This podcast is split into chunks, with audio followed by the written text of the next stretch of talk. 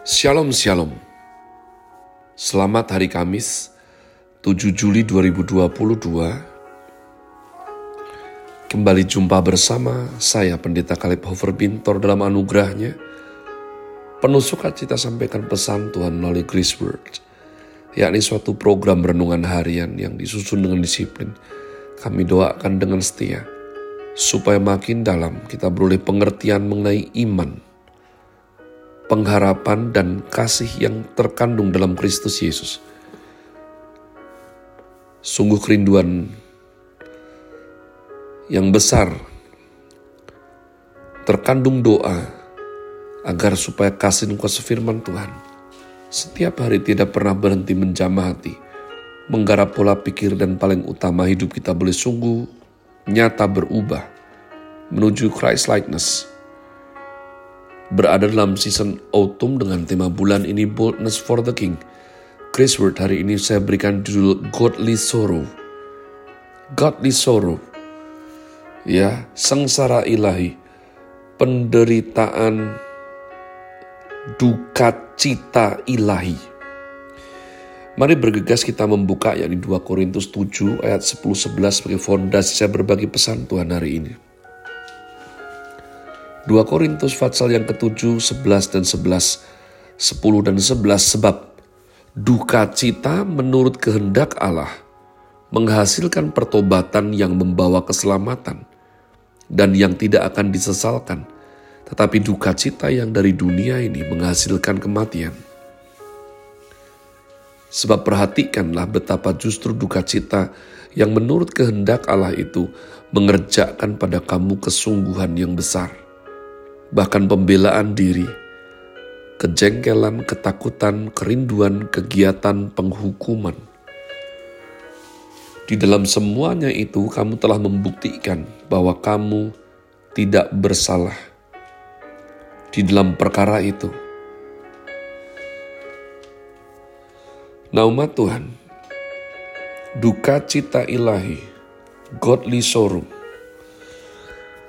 ada sesuatu yang saya ingin mengajak Anda berpikir bahwa duka cita pen, penderitaan, kesengsaraan dalam hidup ini ternyata tidak seluruhnya buruk. Ada sejenis duka cita yang membawa kepada kebaikan umat Tuhan. Dikatakan justru duka cita yang menurut kehendak Allah itu mengerjakan pada kamu kesungguhan yang besar luar biasa sekali. Nah, sekarang kita belajar mengenai suffering, sorrow, penderitaan. Mengapa? Mengapa ada penderitaan? Yang jelas, manusia mulai menderita hidup dalam kutuk sejak daripada manusia jatuh dalam dosa yang pertama kali di Taman Eden. Kejadian 3:15. Namun apa artinya? Tahukah kita tujuannya? Karena segala sesuatu menurut doktrin first cause, yakni Tuhan, kedaulatan Allah, berarti Tuhan izinkan. Nah apa tujuannya? Sebab Bapa yang baik tidak akan mengizinkan sesuatu yang buruk tanpa tujuan baik. Seringkali ya uh, seminar apologetika atau pembahasan jika Allah itu baik, mengapa hal-hal buruk terjadi pada orang baik. Nah, dengan singkat saya bisa katakan bahwa Allah tidak akan melanggar hukumnya yang sudah diucapkannya sendiri dan bahwa kasih dan keadilan itu berlaku di muka bumi ini. Karena tidak ada yang jahat yang datang dari Bapa segala terang tapi kalau ini umat Tuhan, mungkinkah ada hal baik yang terjadi di tengah-tengah hal buruk? Sebab Bapa yang baik tidak mungkin mengizinkan hal buruk tanpa tujuan yang baik. Jadi kita harus mengerti apa tujuan daripada penderitaan. Nah, bahwasanya supaya jelas saya akan paparkan terlebih dahulu jenis penderitaan atau rasa sakit yang kita bahas, saya rindu kita boleh bersepakat terlebih dahulu mengenai pendefinisian penderitaan ini. Sebab penderitaan secara singkat dan ringkas saya golongkan menjadi dua jenis. Yang pertama, suatu sensasi spesifik jasmani yang mungkin disalurkan oleh urat-urat syaraf tertentu dan dikenali oleh si penderita sebagai jenis sensasi yang tergolong dalam rasa sakit atau penderitaan. Sesuai dengan intensitasnya, contoh tertusuk duri, naik bis yang sesak, kehilangan barang, handphone canggih terbaru jatuh ke laut pada saat ya mungkin ngambil foto atau terperanjat. So many things umat Tuhan. Atau mungkin pergi ke restoran Thailand lalu keracunan pulangnya. Itu menderita. Namun yang kedua adalah pengalaman apa pun fisik atau mental yang menimbulkan rasa sakit yang mengaktifkan sensasi tertentu yang dikenal sebagai sakit atau penderitaan. Sesuatu yang kita rasakan sakitnya perhatikan bukan hanya di dalam syaraf kita, tapi pada jiwa kita. Ya, penderitaan yang pertama akan menjadi jenis kedua jika terus ditingkatkan intensitasnya. Penderitaan yang kedua tidak akan terima jika disamakan dengan yang pertama.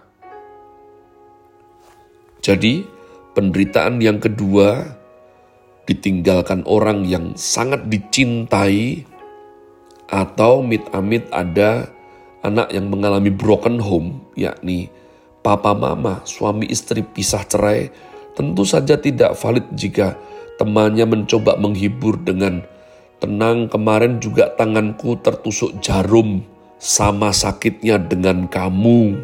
Gak enak sekali. Ya, mungkin ada orang sedang dikhianati cintanya oleh pasangannya. Dapatkah disandingkan dengan sama aku juga kemarin handphoneku habis jatuh pecah itu monitornya. Kacanya itu pecah sehingga aku harus mengganti cukup mahal.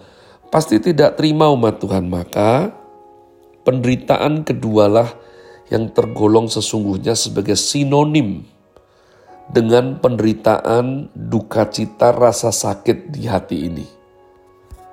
Maka inilah jenis yang saya berusaha untuk membahas dengan saudara, pendengar Grace Words yang setia, selama beberapa episode ke depan.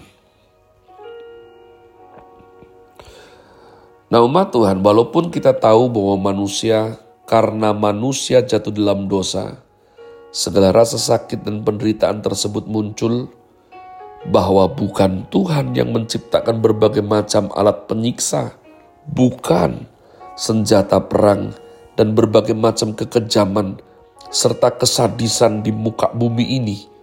Bukan. Tetap saja kita selalu ingin mendapatkan penjelasan saat rasa sakit tersebut kita alami karena tanpa sadar, sadar maupun tidak sadar, mengerti maupun tidak mengerti, kita adalah ciptaan Tuhan. Sadar tidak sadar, percaya tidak percaya, kita adalah ciptaan Sang Pencipta yang tunduk pada kedaulatan Allah. Bahkan walaupun kita seolah memberontak, kita harus tunduk pada daulatan Tuhan. Ada orang tunduk dengan sukacita dengan sikap bagus. Ada orang terpaksa tunduk, tidak terima, tapi tidak bisa apa-apa. Harus tunduk. Dua orang tokoh ateis terkenal, Hardy and Hoffman, menuliskan dalam buku mereka mengenai kemarahan mereka terhadap Tuhan Allah dan pemberontaan kepada Allah diungkapkan kekecewaan mereka kepada Allah. Tanpa sadar, bukankah hal-hal tersebut justru melanggar keateisan mereka? Iya kan? Kalau mereka itu menyangkal Tuhan ada, kenapa mereka bisa sakit hati atau kecewa? Kepada sesuatu yang tidak ada? Kan begitu dalilnya. Jadi gara-gara mereka memberontak melawan Allah, mengekspresikan kemarahan terhadap Allah, mereka justru melanggar keateisan mereka. Kenapa kita berkata kenapa kepada Tuhan? Pernahkah sudah berpikir? Karena kita menyadari kedaulatannya dan berusaha mendapatkan jawaban mengenai rasa sakit atau penderitaan yang kita alami tersebut. Saya berdoa, di antara dua kemungkinan orang mengalami penderitaan, justru diingatkan, justru disadarkan, dan berikhtiar untuk kembali dekat, bersandar, dan minta pertolongan kepada Tuhan. Atau yang kedua, di dalam penderitaan, murka, pahit, marah sama Tuhan, dan justru meninggalkan Tuhan. Inilah tipu muslihat iblis. Bagaimana mungkin orang di tengah menderita justru meninggalkan satu-satunya pribadi yang seharusnya menjadi tumpuan harapan pertolongan dalam hidupnya. Begitu dia juga marah sama Tuhan, dia tinggalkan Tuhan, maka dia tanpa perlindungan, siap dilumat oleh si jahat. Sadarlah, cerdik dan bijaksanalah saya berdoa untuk engkau sedang mengalami sesuatu yang tidak enak. Semoga engkau dengan bijaksana memilih pilihan pertama. Makin sadar, makin dekat dengan Tuhan, dan memegangnya sebagai harapan yang mendatangkan jalan keluar dalam hidup ini. Have a nice day. Tuhan Yesus memberkati saudara sekalian. Sola. Grazie.